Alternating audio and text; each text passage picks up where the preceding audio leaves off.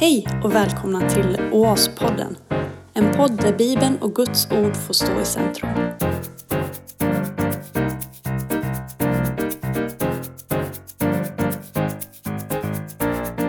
Vi ska ta och ehm, börja i början av Bibelns näst sista kapitel. Uppenbarelseboken 21 ehm, från vers 1. Ehm, och när vi kommer in här nu så kommer vi in till Bibelns Mount Everest. Om eh, Golgata berg är själva centralpunkten där Jesus ger sitt liv för mänsklighetens synd så är det här Mount Everest, bergstoppen, där Johannes får se en vision om en ny himmel och en ny jord. Och jag glömmer aldrig en man från Afghanistan som jag träffade i Finland för ett par år sedan. Och han var tänd. Inte fanatisk, inte överandlig, inte överspänd, men han var tänd. Eh, och eh, han hade framför sig en stor grön bok och han kunde knappt slita sin blick från denna bok. Det var ju en bibel. Och så sa han till mig, Hans, vi har haft den här på mitt språk i tre år. Och då tänker jag så här, skulle vi behandla Bibeln annorlunda om den funnits på svenska i tre år? Det som gav honom den här glädjen som jag är övertygad om var inspirerad av den helige ande. Det var ju också tron på att Bibeln handlar inte om en verklighetsflykt, det handlar inte om en saga. Det handlar inte bara om en religiös princip. Nej, det handlar om verkligheten med stort V. Amen. Det är därför kyrkan i 2000 år har kallat Bibeln för Guds ord. Och om det stämmer, tror du det? Om det stämmer, då innebär det att det jag kommer läsa nu är faktiskt det som Johannes fick se när han såg genom slöjan rakt in i evigheten själv. Jag kommer alltså läsa om din och min framtid. Jag vet inte hur du tänker, men jag tänker då är det nästan intressant, eller hur? Jag menar, jag, vet inte hur länge du eh, åker på semester eller om du har semester. Har du semester ibland? Det händer. Jag är inte så jättebra på det, men jag försöker. Och eh, eh då är det ju så här att ibland åker man på en semesterresa, eller hur? Man slår till och åker till Hudiksvall. Eller hur? Eller så kanske till och med till Stockholm. Och den som verkligen satsar, det kanske blir London eller ännu längre. Och då finns det ju sådana här pocketguider om olika ställen. Och då köper man ofta en sån här pocketguide, har du gjort det? Och så läser man på om platsen dit man ska. För att man vill bli förberedd så att man kan få ut så mycket som möjligt av platsen dit man ska. Och då är min fråga, hur länge åker du på semester? En vecka? Två veckor kanske? En riktigt lång semesterresa det är ju tre, fyra veckor. Och då var min fråga, hur länge ska du vara i himlen? Jag skulle bli väldigt besviken om jag kom till himlen och Jesus sa, välkommen du får vara här tre veckor. Eller hur? Om vi nu lägger sån energi på semester, där vi ska vara ett par veckor, hur mycket mer intressant borde det inte vara för oss att läsa om den tillvaro vi är på väg till för att spendera en evighet där? Och det är därför jag tycker det är viktigt att vi gång på gång läser olika texter i Bibeln som har med himlen att göra. Och jag läser nu Uppenbarelseboken 21 från vers 1. Johannes skriver. Och jag såg en ny himmel och en ny jord. Ty den första himlen och den första jorden hade försvunnit och havet fanns inte mer. Och jag såg den heliga staden, det nya Jerusalem, komma ner från himlen, från Gud, redo som en brud som är smyckad för sin brudgum. Och jag hörde en stark röst från tronen säga, se, nu står Guds tabernakel bland människorna. Och han ska bo hos dem och de ska vara hans folk. Och Gud själv ska vara hos dem. Och han ska torka alla tårar från deras ögon. Döden ska inte finnas mer och ingen sorg och ingen gråt och ingen plåga, till det som förr var är borta. Han som satt på tronen sa, se, jag gör allting nytt. Och han sa, skriv, ty dessa ord är trovärdiga och sanna. Han sa också till mig, det har skett, jag är alfa och omega, begynnelsen och änden. Åt den som törstar ska jag ge att dricka fritt och förintet ur källan med livets vatten. Den som segrar ska få detta i arv och jag ska vara Gud, hans Gud och han ska vara min son. Men de fega, de otroende och de skändliga, mördarna, de otuktiga, trollkarlarna, avgudadyrkarna och alla lögnare ska få sin del i sjön som brinner av eld och svavel. Detta är den andra döden. Visst är det en mäktig vision? Griper tag i en. Och eh, det här var första delen. Jag ska läsa två delar till om Gud vill och, och, och jag har tid. Ehm, och eh, det som eh, är själva formen i texten är att det är som att Johannes får syn på det nya Jerusalem och så ser han det liksom på håll. Och sen får han ta, nästa gång jag läser, ett steg inåt och kommer fram till portarna och genom portarna. Och sen allra sista delen, ett steg till och då står han i själva centrum av staden, det nya Jerusalem. Och eh, om vi då tittar först på eh, första versen här så står det ny. Och då är det så här att, att eh, två olika grekiska ord för nytt. Det ena ordet det är neos och det betyder helt nytt. Du skrotar din gamla bil, du, du, du river ditt gamla hus och så köper du ett nytt. Det är neos. Det andra grekiska ordet för nytt det är kainos och det skulle egentligen bäst översättas av oss förnyat. Du renoverar ditt hus. Det blir finare än någonsin, men det är samma hus. Det ord som Johannes använder här, gissa vilket? Man kan gissa, man kan tro neos och det är nästan rätt. det är kainos. Det är kainos. Så, så ska man eh, översätta det här bokstavligen kan man säga att han säger, jag såg en förnyad himmel och en förnyad jord. Jag tänker inte nu komma in på olika eskatologiska teorier, det är inte det jag tar tid för ikväll. Men det man kan peka på här är att Johannes vill betona för oss kontinuitet. Och, och det tycker jag är rätt tröstande. För ibland tror jag att vi tänker så här, liksom, hur blir himlen? Får jag säga, hur blir himlen? Och, och, så tänker vi så här, jo men himlen, då är man liksom en ande och himlen är en andlig värld. Och då är jag någon slags ande som svävar omkring med andra andar som en slags gasmoln, en slags filosofisk idé. Fantastiskt. Det är ju ingen som blir glad av det, eller hur?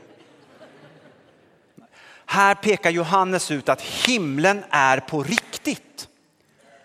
Och vi ska inte glömma att jorden är skapad av Gud även om den våndas och suckar under syndafallets förbannelse. Men den var från början skapad av Gud.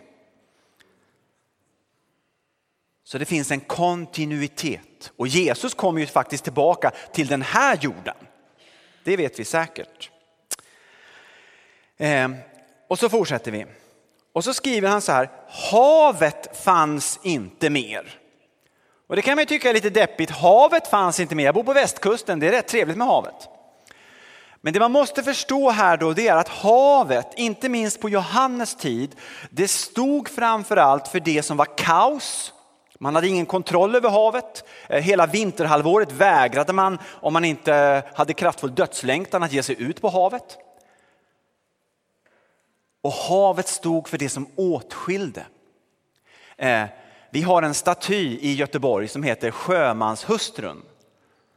Någon som känner till den? Ja, och den är ju ganska vemodig. Det är en hustru som spanar ut över havet, längtar efter sin man som har åkt iväg kanske för att fiska eller jobba på något annat sätt och hon vet inte ens om hon kommer få honom levande tillbaks och definitivt inte när. Johannes, vad befinner han sig i för situation? Jo, han är på ön Patmos. Han är deporterad där. Han bor egentligen i Efesos, en storstad med 250 000 invånare som låg cirka 80 kilometer från Patmos. Och han visste att hans kristna syskon förföljdes inne i Efesos. Och där fick han vara ute på ön Patmos, titta över havet och det stod för att man inte var ihop. Man var åtskild.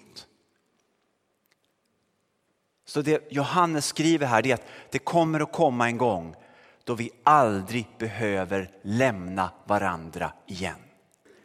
Och sen kommer nästa vers här. Och i vers 2 så skriver Johannes på grekiska ut ordet jag. Eh, och det gör man inte så ofta. Så att eh, eh vers 2 skulle väl översättas egentligen jag med många streck under. Alltså Johannes vill verkligen betona, jag såg verkligen det nya Jerusalem. Det är det, det, det som kommer från den grekiska texten. Jag såg verkligen det nya Jerusalem. Jag såg himlen, jag såg vart vi är på väg, jag såg att det finns ett hopp, jag såg att Gud har segrat, jag såg att det finns hopp som går igenom döden. Och varför betonar han det här så starkt? Ja, jag vet inte hur din livssituation är, du som har kommit hit ikväll. Men där finns säkert du som inte har några problem, ingen press över ditt liv. Du som varenda dag bara kan sjunga bättre och bättre dag för dag, bättre och bättre dag för dag. Och det är underbart. Vi gratulerar alla tre. Och väldigt många av oss har väldigt mycket, alla av oss har saker att tacka Gud för och alla av oss har glädje i vårt liv och saker som är underbart och, och, och nåden och sanningen och ljuvligheten överväger. Amen. Men jag tror att vi har kommit hit, många av oss, som bär med oss press tryck, kamp. Johannes, han hade blivit bortförd som fånge. Han var förmodligen över 80 år gammal. Man tror att han jobbade i ett stenbrott.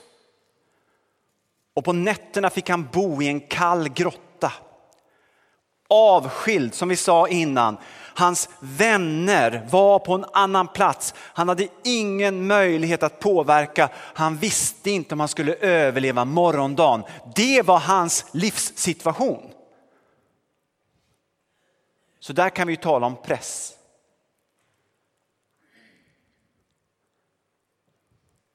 Jag har besökt den grottan, kanske fler som har gjort det. Apokalypsis heter grottan. Uppenbarelse på grekiska ligger på ön Patmos. Jag kom till ön Patmos och jag var övertänd redan när jag kom dit.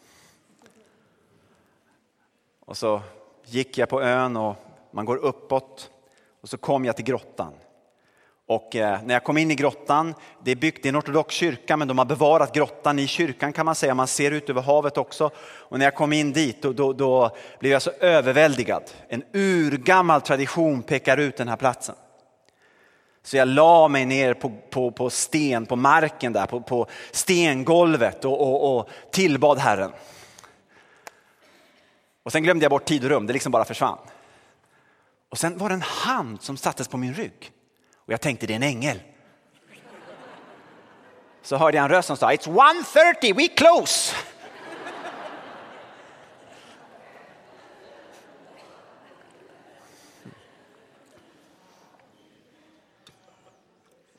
Fint att få dela det. Eh, nåväl, det var en parentes. Eh, och det som Johannes nu säger att han ser, det är den heliga staden. Helig, det betyder avskild. Den är bara för Gud. Och staden heter Jerusalem.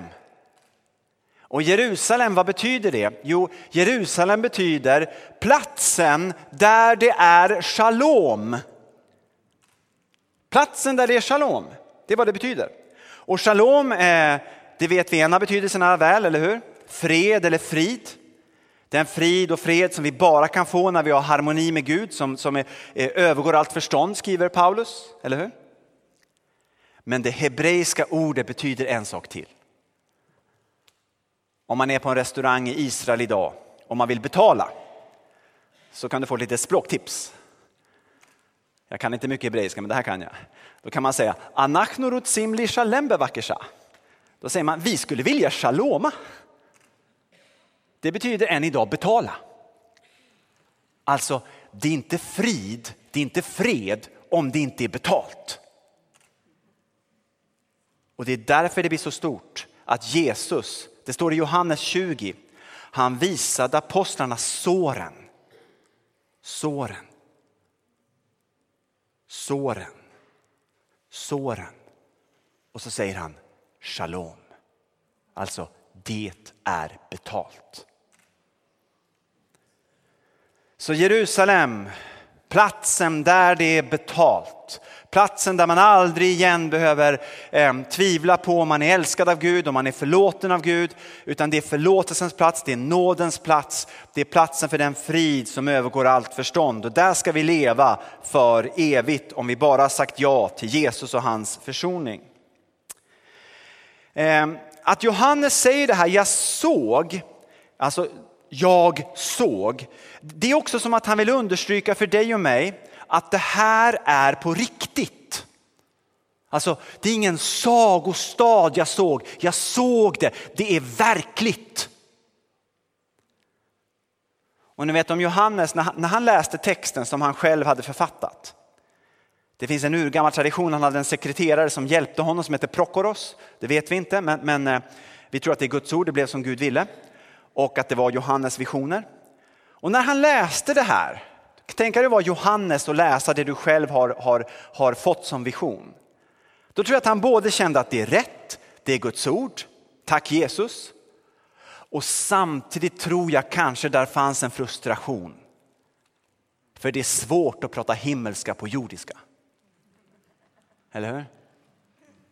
Har du någon gång varit med om att försöka dela en andlig stark upplevelse med människor? Det är inte så lätt. Du försöker hitta rätt ord. Så vi måste be den heliga ande om hjälp för att något lite mer kunna ta till oss storheten i denna fantastiska vision som Johannes fick. Eh, och eh, så kommer vi till slutet av vers 2. Ni märker det här går jättesnabbt. Eh, det står om staden då att den är redo som en brud som är smyckad för sin brudgum. Och eh, jag tänkte på det här, vad handlar det här om? Redo som en brud som är smyckad för sin brudgum. Bröllop. Och vad handlar bröllop om? Förhoppningsvis. Förening. Och varför förenas man? Kärlek. Eller hur? Bröllop, förening. Varför? Jo, för att man älskar varandra. Och Det är därför man smyckar bruden eh, och eh, som det står om här. Och brudgummen klär sig nu också väldigt fint och, och man har, eh, försöker välja en fin kyrka och ha härlig fest och, och samla människor som man älskar nära sig. Eh, jag gifte mig med min älskade hustru Johanna. Hon förtjänar guldmedalj, hon har stått ut med mig i över 24 och ett halvt år. Och jag, menar, jag bara tänker på allt det som vi gjorde runt kring bröllopet.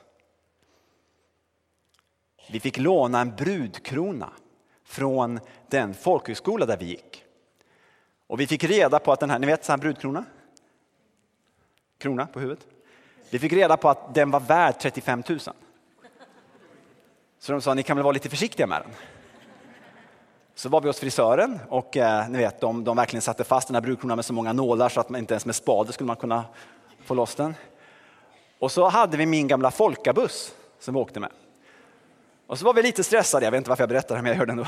Så var vi lite stressade och eh, vi satte oss där i den här bussen och så skulle vi ut och precis gå in i kyrkan då och, och tala med prästen strax innan bröllopet. Och när Johanna ska gå ut, det är inte så lätt vet ni med brudklänning och allting. Va? Så, så råkar hon liksom fastna med en av piggarna i kronan i den här ni vet, rännan som skjutdörren ska gå i. Så hon sitter fast. Och ni vet, hon kan inte röra huvudet någonting och, så här, och jag får ju panik. Kallsvett, varmsvett, kallsvett. Och så liksom hör jag det ringande 35 000. Till slut lyckas jag bända loss då, och alla andra kronor pekar jättefint då. Så, eller alla andra piggar så här. Förutom den som varit i sväng, den är så här. Och då tänkte jag, nu får jag ta ett steg i tro här. Och så tog jag den så här, och så gick det bra. Tack för att jag fick dela det. Nej, men, varför gör vi det här, allt det här? Jo, det har ju inte med att det är rationellt att göra. Att det ska gå så snabbt som möjligt, att vi ska spara pengar. Det är idiot att hålla på med det då. Vi gör ju det här för att vi markerar för oss själva och andra att vi älskar varandra. Och här kommer en signal från Guds ord. Att Gud är vår brudgum och vi är alla hans brud. Och bröllopet, det är när vi kommer till himlen. Då förenas vi. Och anledningen till att Gud längtar efter det ögonblicket, anledningen till att Gud har berett nya himlar och en ny jord, kainos, i evighet för att vara tillsammans med oss. Vi som behöver förlåtelse varje dag och brister på så många sätt. Anledningen är ju naturligtvis att han älskar oss mer än vad vi kan fatta. Det är därför. Och eh, jag läste lite grann om hur, hur bruden brukar preparera sig på Jesu tid. Och det har en ganska bra koppling till oss egentligen. För det första så tvättade hon sig. Eh, och vi är ju tvättade i vad då? Står det i Uppenbarelseboken 7. En annan himmelsk vision får han se folket i himlen som är klädda i vitt och deras dräkter är alldeles vita för de är tvättade rena i vad då? Lammets blod. Så vi tvättade i Jesu försoning. Det är därför det är så viktigt att ta emot Jesus som sin Herre, be om förlåtelse till honom. Eh, sen hade bruden olja och olja är ju ett tecken på vad då? Den helige ande. Vi är fyllda med anden. Och sen hade bruden faktiskt redan på den tiden väldigt ofta parfym. Och då kan vi tänka på att vi är en Kristusdoft, skriver Paulus. Eh, och sen om vi kommer till vers 4 så står där om hur Gud ska torka alla tårar från våra ögon. Alla tårar. Och det är på något sätt, eh, det vänder fokuset från miljoners miljarder på väg till himlen, en gigantisk skara som står inför den treenige guden. Det vänder fokus från det till Guds enskilda möte med just dig. Ni vet en tår, det, det, man torkar liksom inte en miljard tårar åt gången. Eller hur? En jättelik biltvätt som kommer ner så, så är det ju inte. Utan Jesus Kristus, han som har dött för din synd, han ska sträcka ut sina fingrar och så skall han torka varenda förlossningstår som kommer från dig där och då. Döden ska inte finnas mer och ingen sorg och ingen gråt och ingen plåga. Till det som förr var är borta. Det låter väl nästan attraktivt. Och om man tänker på plåga. Kanske den värsta plåga som finns, det är synden. Bibeln säger att vi har fått en skada i syndafall. Vi var skapade till Guds avbilder men ett hebreiskt ord för synd betyder någonting krokigt. Någonting har blivit förvrängt i vårt innersta. Det har Jesus dött för på korset. Och så har vi fått ta emot den heliga ande om vi bara sagt ja till Jesus och är döpta i Faderns, Sonens och den heliga andes namn. Så vi har den heliga ande i oss och samtidigt är vi ju långt från perfekta, eller hur?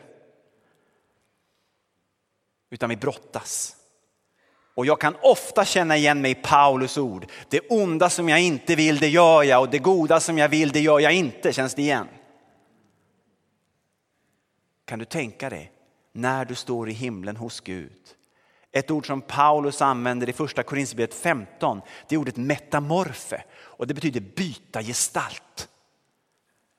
För första gången i din existens kommer du vara perfekt. Precis den du var skapt till att vara från början. Det som den heliga ande redan nu börjar med, restaureringsarbetet, att göra dig mer och mer lik Jesus. Det kommer fullbordas först där. Då kommer du för första gången helt naturligt med 100% av din existens älska Gud över allting och din nästa som dig själv. Ibland ställer folk frågan till mig så här, men Hans vad händer om man syndar i himlen? Du brukar säga man kan inte synda i himlen.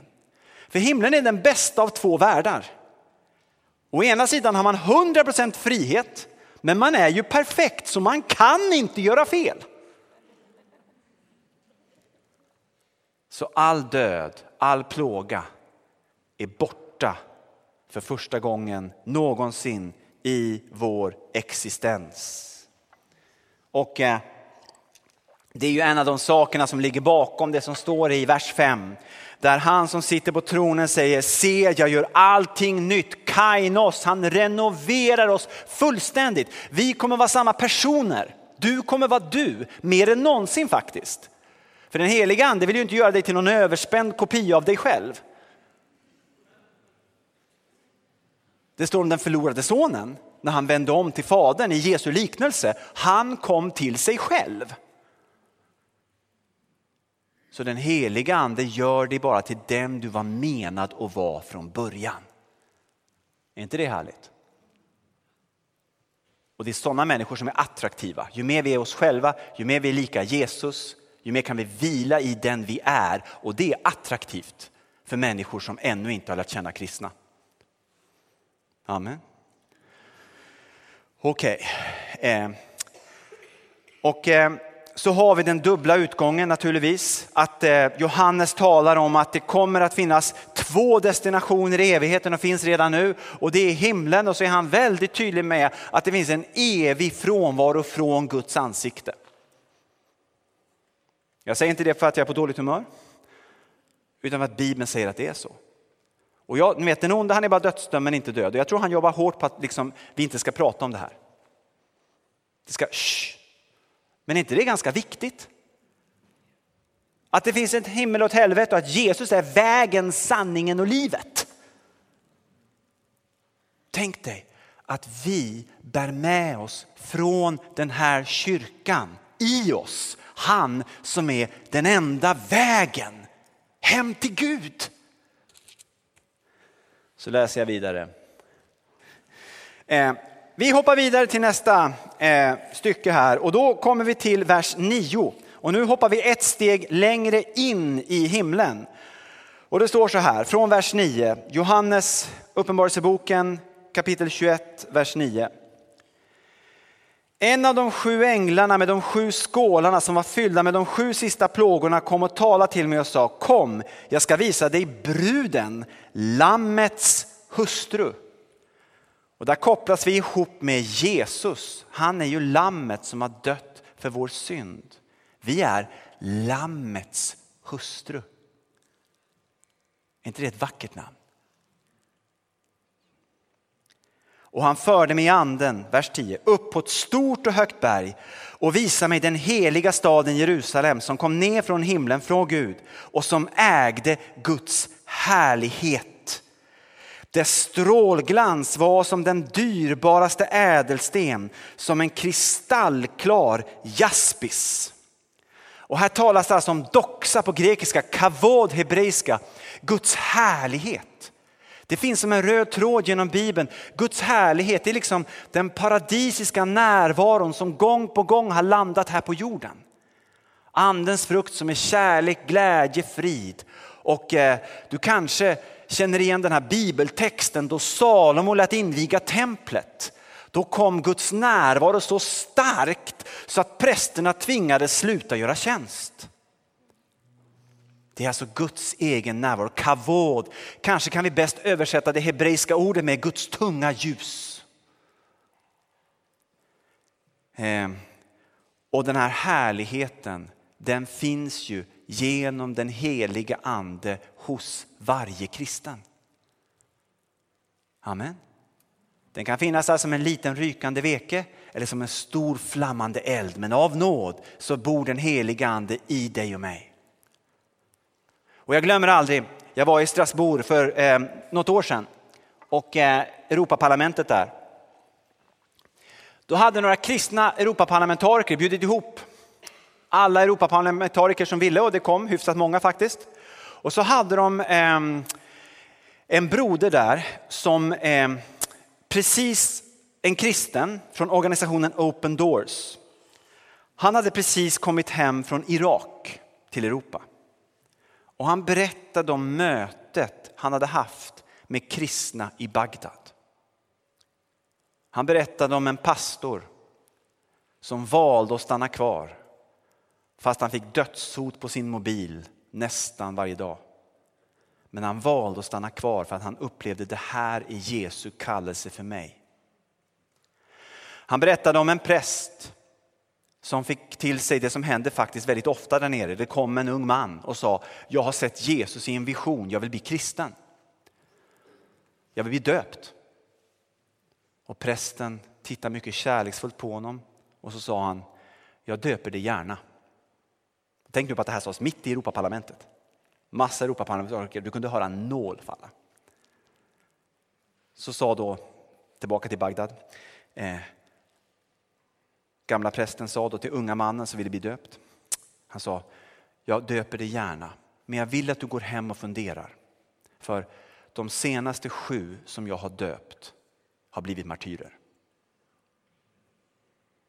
Så mannen gick hem och så kom han tillbaka bara någon dag senare och sa, jag vill bli döpt. Och eh, den här brodern från Open Doors som kom till oss där i Europaparlamentet och berättade detta. Eh, han sa, mitt främsta intryck från Bagdad är inte först och främst hur fruktansvärt de har det. Inte först och främst deras lidanden, även om de är ohyggliga. Inte först och främst hur pressade de är, hur starkt motståndet är. Nej, mitt intryck är först och främst en enormt stark förnimmelse bland de kristna där av, och så sa han inför hela de här Europaparlamentarikerna, av Guds härlighet.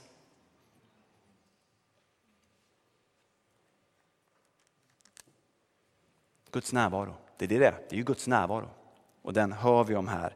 Den ska fullbordas i det nya Jerusalem och det strålar om härligheten. Och det grekiska ordet är jaspis och det kunde egentligen vara vilken ädelsten som helst men man tänker mycket kring diamant. Så när Johannes liksom får se det här nya Jerusalem, han ska försöka beskriva eh, själva synintrycket. Så läste jag en grekisk kommentar att, att det var, man kanske kan översätta texten som verbet, att det var som pulserande ljus som gick ut från det nya Jerusalem, som en fyr där han var i Patmos i sitt lidande kunde han se det här pulserande ljuset som kom från det nya Jerusalem. Det mest attraktiva han någonsin hade sett.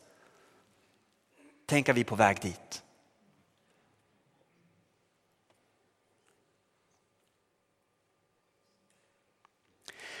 Vers 12. Staden hade en stor och hög mur med tolv portar, över portarna tolv änglar och namn inskrivna. Namnen på Israels barns tolv stammar. I öster fanns tre portar, i norr tre portar, i söder tre portar, i väster tre portar. Stadsmuren hade tolv grundstenar och på dem stod tolv namn. Namnen på Lammets tolv apostlar. Ehm, och ehm, det som jag tycker är starkt här när det gäller portarna är att vi har en sammanfattning av frälsningshistorien. Vi har både då de tolv stamhövdingarna, Israels tolv stammar och de tolv apostlarna. Nämnda med namn. Och gång på gång märker vi det att Gud har namn för oss som kommer att finnas där i himlen. Och så mäter han himlen. Och det behöver jag inte läsa, jag tjänar mig själv lite tid. Han, han mäter himlen. Och när han mäter himlen så anger han mått.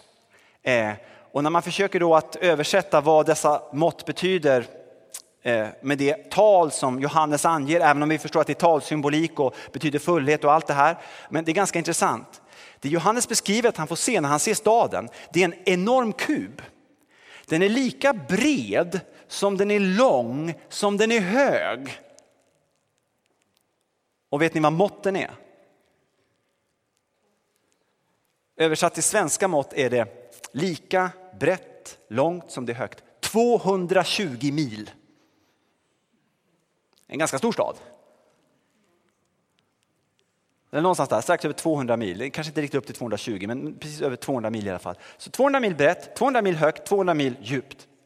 En stor enorm kub är det han ser. Fast inte en kub utan en underbar stad som strålar av Guds härlighet. Så liksom budskapet är att det, det, det är mångdimensionellt. Det nya Jerusalem. Och så talar han också om eh, grundstenarna och det har vi i vers 19 där. Grundstenarna till stadsmuren var prydda med olika slags ädelstenar. Den första var en jaspis, den andra en safir och så räknar han upp eh, 12 olika ädelstenar som har 12 olika färger. Så det Johannes lyfter upp för oss är att det finns färg i himlen. Färg. Vilken syn. Och eh, det om igen pekar mot detta med kontinuitet kontinuitet. Eh, vi har det också detta med eh, att det står att folkens härlighet, vers 26, och ära skall föras in i staden. Det handlar inte om att vi tar med oss våra jordiska prylar till himlen, det fattar vi själva att det funkar inte riktigt. Men, men det till exempel Bo Giertz menar är att det visar på en kontinuitet, att allt det som vi har här på jorden som är positivt, allt det som är värt att hedra, allt det som är genialiskt, allt det som vi, vi upplever är varaktigt och verkligen är, har ett slags värde. Allt det kommer att fullkomnas i himlen. Så det talas om färg, om form, om, om, om ljus, om musik. Jag brukar ibland säga att det är trädigare träd, äppligare äpplen, vattnigare vatten. Allting är mer. Och så hoppar jag ett steg fram här, jag ska inte trötta er för mycket. Eh, och vi kommer till Uppenbarelseboken 22 från vers 1.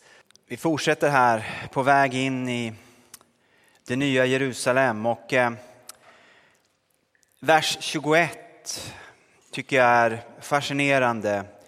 Johannes 21, 21.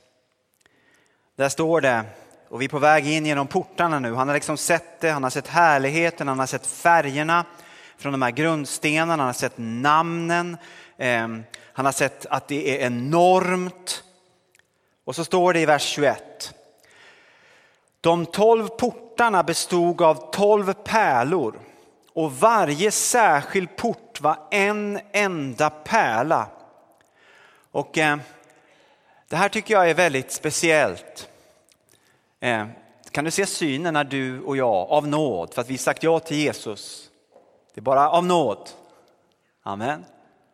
Ingen av oss har råd att betala priset för biljetten. Det betalade Jesus på korset.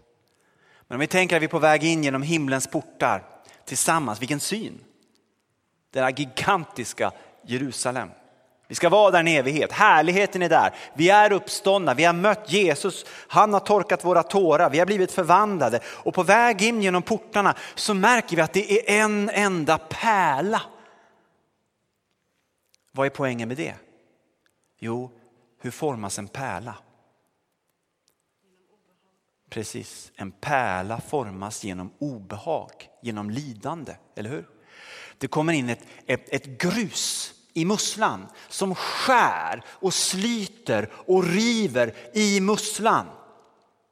Och så bildas det pärlemor mer och mer och den smärtan som musslan går igenom blir pärlan. Så det är som att Gud själv sänder en signal till oss att vi kommer att gå in genom portarna för att Jesus själv tog vår synd på korset för att han hängde där och ropade Eloi, Eloi, Lemasa sabachthani. Han tog på sig din synd. Han drack in den i sin kropp i Getsemane och därför får vi gå in genom pärlorna.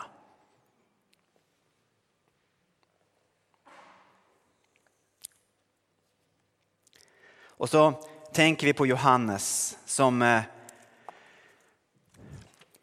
så många gånger har kommit till Jerusalem på pilgrimsresa och eh, från Galileen och när han kom in till Jerusalem naturligtvis det första man tänkte på när man kom dit, det första som blicken sökte, vad var det? Templet. Josefus han beskriver att templet det var så vackert eh, och eh, det strålade av solens strålar som gick mot marmoren, den vita marmoren och guldet kring, kring templet och på templet. Så att det var så starkt ljus från templet så du kunde knappt titta på det när du kom in i staden Jerusalem. Den Johannes som har varit så van att se templet, han säger nu i vers 22, något tempel såg jag inte i staden, ty Herren Gud, Pantokrator, den allsmäktige och lammet är dess tempel. Staden behöver inte ljus från sol eller måne, ty Guds härlighet lyser upp den och dess ljus, lampos, är lammet. Och nu ska vi ta sista steget allra längst in från Uppenbarelseboken 22, vers 1 till och med vers 5. Sen kan man säga, sen slutar visionen, sen kommer ett PS. Postskriptum som också är Guds ord, absolut. En kommentar av Johannes. Men själva visionen av himlen slutar i vers 5. Så nu ska vi ta det absolut sista steget upp på toppen av Mount Everest. Och jag läser. Och han visade mig en flod med livets vatten. Klar som kristall. Den går ut från Guds och Lammets tron. Mitt på gat, stadens gata, på varje sida om floden, står livets träd som bär frukt tolv gånger. Varje månad bär det frukt. Och trädets blad ger läkedom åt folken. Och ingen förbannelse ska finnas mer. Guds och Lammets tron ska stå i staden och hans tjänare ska tjäna honom. De ska se hans ansikte och hans namn ska stå skrivet på deras pannor. Någon natt ska inte finnas mer och de behöver inte någon lampas sken eller solens ljus. Ty Herren Gud ska lysa över dem och de ska regera som kungar i evigheternas evigheter. Och eh, jag kommer ihåg när jag eh, eh var 12 år. Jag var inte kristen, hade inte hört talas om kristen tro. Men jag kände en väldigt stark längtan i mitt hjärta och den tog sig många lite speciella uttryck. Och en sak som jag gjorde det var att jag cyklade längs med Svartån i Västerås. Det låter väl exotiskt? Och flera gånger så gjorde jag så här att, att jag, jag, jag cyklade så långt jag kunde uppåt floden. Och det var någon slags väldigt djup längtan i mig, det vet jag efteråt. Det var mycket djupare än bara liksom upptäcka något nytt. Det var en slags längtan att få se där floden rinner fram, få se själva källan, själva ursprunget.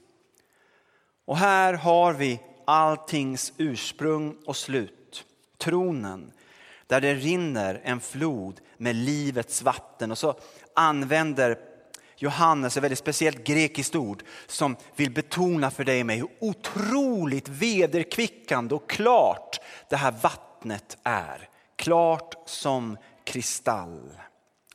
Och så kommer vi till livets träd. Livets träd. Vi återfinner det nu här. Det som var i början av Bibeln kommer igen i slutet av Bibeln livets träd som är ett tecken på det eviga livet, att vi aldrig någonsin igen skall dö. Och det är väl just därför det står i vers 3 att ingen förbannelse skall finnas mer.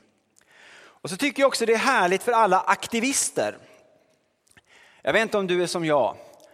Jag är inte alltid världsbäst på att sitta still på en stol. Det går bra ibland, men inte för länge.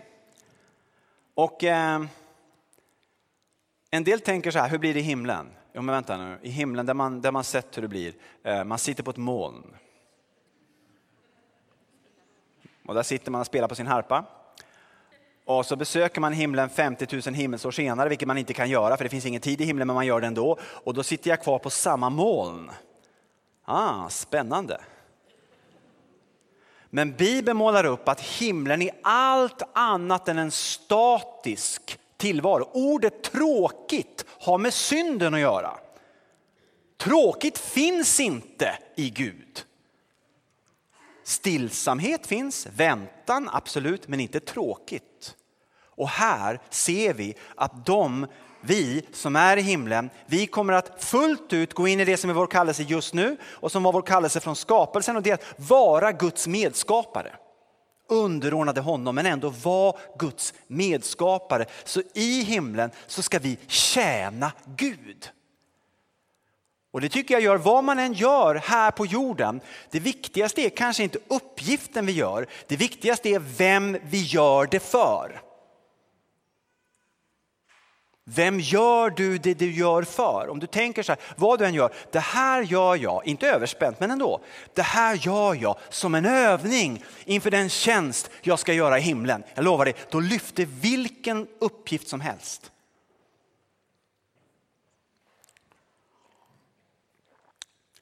Och så slutar det med detta med ansikte. Att vi ska se hans ansikte och hans namn ska stå skrivet på deras pannor. Ehm. Och ehm, allra sist då så skulle jag bara vilja reflektera lite kort över varför tror jag att eh, vi ska idag på något sätt bli påminda om vart vi är på väg. Varför? Och för att lite grann eh, reflektera över det, ett par minuter. Det första är att jag skulle vilja berätta en, en, eh, ett sant vittnesbörd. Eh, en eh, väninna till mig, hon är i min ålder. När hon var 12 år, hon är uppvuxen i en kristen familj. Och när hon var 12 år så eh, hade hon ett samtal med sin mamma. Och hon frågade sin mamma någonting som var väldigt naturligt i och med att de var kristna och ni vet, hade förmodligen aftonbön varje kväll och så. Och då frågade hon sin mamma, mamma, du, jag, jag, det är bara en sak jag börjat fundera på. Alltså, vi kanske inte dör samtidigt. Eh, och, och, och, och, då kommer vi till himlen liksom vid olika tidpunkter. Och det jag undrar då det är, hur ska vi träffas där uppe? Hur ska vi hitta varandra? Och ni vet, det är lätt att säga, men det var en dum fråga. Men det, och det är väldigt bibliskt på ett sätt. På det sättet att folk frågar mig ibland, Hans kommer man känna igen varandra i himlen? Och jag brukar säga, i himlen är första gången som vi verkligen kommer känna igen varandra. Så var det ju på förklaringsberget, eller hur? Där var ju vadå? Petrus, Jakob och Johannes, men de var inte förhärligade än, eller hur? Men så var ju Jesus där och så var två som var förhärligade redan där. Och då säger ju inte Petrus, Jakob och Johannes i sin beskrivning, vi såg två astralfigurer. Eller som sådana här himmelsmålningar ni vet, där allting finns där utom ansiktet. Som att Gud tog ett studdgummi och suddade ut ansiktet så. Nej, vad säger de? Mose och Elia. Mer Mose än någonsin, mer Elia än någonsin, för det där är hundra procent. Så på ett sätt var det en väldigt biblisk fråga. Var ska vi mötas? Och eh, mamman hon fick ju tänka efter, måste svara någonting nu. Och då kom hon ihåg Uppenbarelseboken 22. Och så sa hon till sin dotter, du, jag vet. Vi ses vid livets träd. Det blir perfekt, där kan vi hitta varandra. Det måste ju vara stort. Ja, dottern tyckte det var ett perfekt konkret svar för en tolvåring. Det var super. Ja, vi ses vid livets träd. Och så gick livet. Och eh, hon som var 12 år blev eh, uppe i 30-årsåldern. Hennes mamma blev svårt sjuk och fick väldigt ont i sin kropp.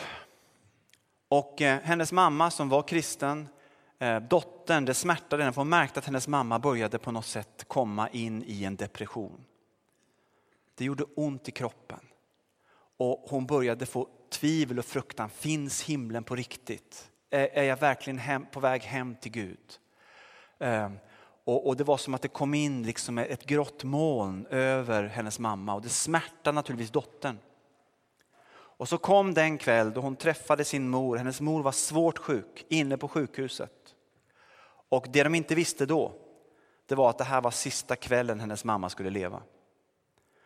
Och de var där inne och ni vet, det kändes inte bra för, för hennes mamma var så tyngd, så förtvivlad. Men så plötsligt slog det dottern, nu i 30-årsåldern, så sa hon till sin svårt sjuka mamma, men mamma, du behöver inte vara ledsen. Du kommer ihåg vad vi sa när jag var 12 år. Vi ses vid livets träd. Och då beskrev hon hur det var som att, utan att överdriva, hon beskrev hur det kom in det var som att Guds ande öppnade ett fönster från himlen. Det bara blåste in Guds kraft. För ni vet den heliga ande kommer alltid från himlen till oss. Och kommer alltid av nåd. Och den här strömmen som vi kommer att se med våra fysiska ögon vid tronen, den finns ju här och nu idag. Amen. Jesus säger, den som tror på mig, ur hans eller hennes ska det flöda strömmar av levande vatten. Så det kom liksom in som ett vattenfall från den heliga ande och ni vet allting förbyttes. Plötsligt så var hennes mamma, hon hade fortfarande ont i kroppen men nu hade hon verkligheten själv och den är för mer. Så det vart en kväll av framförallt kärlek, framförallt glädje, många tårar, men nu var det liksom förlossningstårar. Och de talade om livet och, och, det var mer i tacksamhetens ljus nu och så omfamnade de varandra. Jag vill inte bli sentimental, nu gjorde det. Och, och sa, jag älskar dig. Och så gick dottern därifrån och några timmar senare var mamman hemma hos Gud. Och då tänker jag så att den här strömmen, den levande strömmen är hos oss här och nu. Är hos oss här och nu. Och jag vill säga två korta, korta saker om den strömmen och sen är jag amen. Det ena jag vill säga om den här strömmen av levande vatten som flödar i vårt innersta om vi tror på Jesus. Eh, det första jag vill säga om den det är att den strömmen vill Gud att vi ska lära oss av nåd att fånga in varje dag. Varje dag. Och en person som hade fattat det här, inte för att han är perfekt, absolut inte, han behövde Guds förlåtelse varje dag, men det var Daniel. Vi predikade, Gertrud gjorde om Daniel i förmiddags, mycket fint. Och Daniel, det står i Daniel 6, han bad till Gud tre gånger per dag. Och jag tror att i den tid som vi går in i nu, så tror jag att det ligger på Jesu hjärta, inte som ett krav, inte som en börda, inte som en lag, Känner du att du bara blir trött av det så släpp det. Men jag tror att det ligger på Guds hjärta att du och jag ska lära oss att börja dagen med Gud. När den är, jag vet att det är mycket som händer i livet, gör det för mig också, men jag, bara säger det. För den här strömmen finns där för dig och mig för att Jesus älskar oss och den finns där varje dag. Och nästa sak jag vill säga, sista, det är att samtidigt som vi kan ta del av den varje dag, på samma gång finns det någonting med den här strömmen som vi inte riktigt kan kontrollera. Och det finns kanske en liten poäng med det.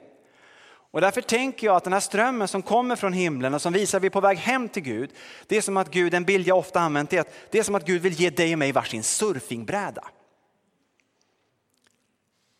Och så vet vi ju aldrig när strömmen kommer. Men när väl det öppnar sig, då är det dags att ner med surfingbrädan och så gå med strömmen. Jag vet inte hur du är, men jag, ett av mina många dåliga samveten, en av mina många brister, det är att jag är väldigt bekväm. Jag vet inte om någon mer känner igen sig? Så när jag kommer ut genom den dörren där så blir jag ofta väldigt bekväm. Gillar att sköta mig själv. Och eh, alltså absolut inte den här riktigt, eh, ni vet, superevangelisttypen. Och det är något Gud får jobba med och han håller på att jobba med. Men eh, han har en bit kvar kan vi säga. Och eh, då så, så satt jag på en buss en gång eh, och jag var inte på gott humör. Jag hade kommit till Mora station och jag skulle åka tåg från Mora till Rättvik, denna långa sträcka på en halvtimme. Och så får vi reda på att tåget har havererat som vanligt. Och de dirigerar oss till bussar. Och är det någonting jag inte är så jätteförtjust i så är det att åka buss. Jag vet inte vad det är, det är någon defekt jag har så. Eh, och är det någonting jag inte heller är förtjust i så är det att resa trångt. Jag, jag har lite klaustrofobiska drag sådär. Och så kom vi in på bussen och det var inte bara trångt, det var övertrångt. Och jag var på ännu dåligare humör och tyckte att Gud hade utsatt mig för ett ohyggligt lidande. Ja, väldigt imponerande. Och så satte jag mig då på en sån här gångplats och jag, jag, jag skäms för det här, eh, borde i alla fall göra. Jo men det gör jag nog faktiskt. Eh, jag sa inte ens hej till personen bredvid. Jag var liksom så inne i min egen värld tänkte att jag behöver faktiskt inte kontakta någon här för det är faktiskt väldigt synd om mig och jag klarar mig själv här och det här är jobbigt nog som det är. Och så här, stort lidande. Och så hade jag ett äpple jag åt på. Så jag gnagde på det här äpplet, liksom helt introvert i min egen värld. Och eh, ja, jag hade ingen aning vem som satt där. Vi började åka mot Rättvik. Halvtimme tar det. Jag hade åkt ungefär en kvart och jag hade hunnit gnaga färdigt på mitt äpple så jag hade liksom bara en liten skrott kvar. Va? Och jag höll just på att fundera på om jag ska äta upp den eller inte. Det fanns liksom ingenstans att, ni vet. Så. Och då knackar det på min axel. Och, och, då sitter en kvinna ungefär i min ålder där, ser väldigt ni vet, trevlig och ja, så. Eh, och så sträcker hon fram en påse där jag kan lägga min äppelskrott. Och då skäms jag ju lite grann. Så här. Tack så mycket. Ja, nu är det 15 minuter kvar till Rättvik. På de 15 minuterna så kommer det fram hon är från Tyskland. Hon är i Sverige nu. Hon var i Norge dagen innan, fick för första gången i sitt liv möta kristna på en bönegrupp, blev berörd av Gud men har jättemånga frågor om Gud och, och, och, och eh, allt som har med Jesus att göra. Jag berättar om Jesus, förlåtelsen, korset, försoningen, hur man kan komma till tro, Guds närvaro är jättestark där och pong hon ramlar av bussen och springer iväg till sina vänner och börjar berätta. För att vi har med oss en surfingbräda och när som helst kan en ström av levande vatten komma. Tänk på himmel och helvete, tänk vart vi är på väg. Låt oss leva med det här för ögonen. Amen. Tack för att ni lyssnade till detta avsnittet på Oaspodden. podden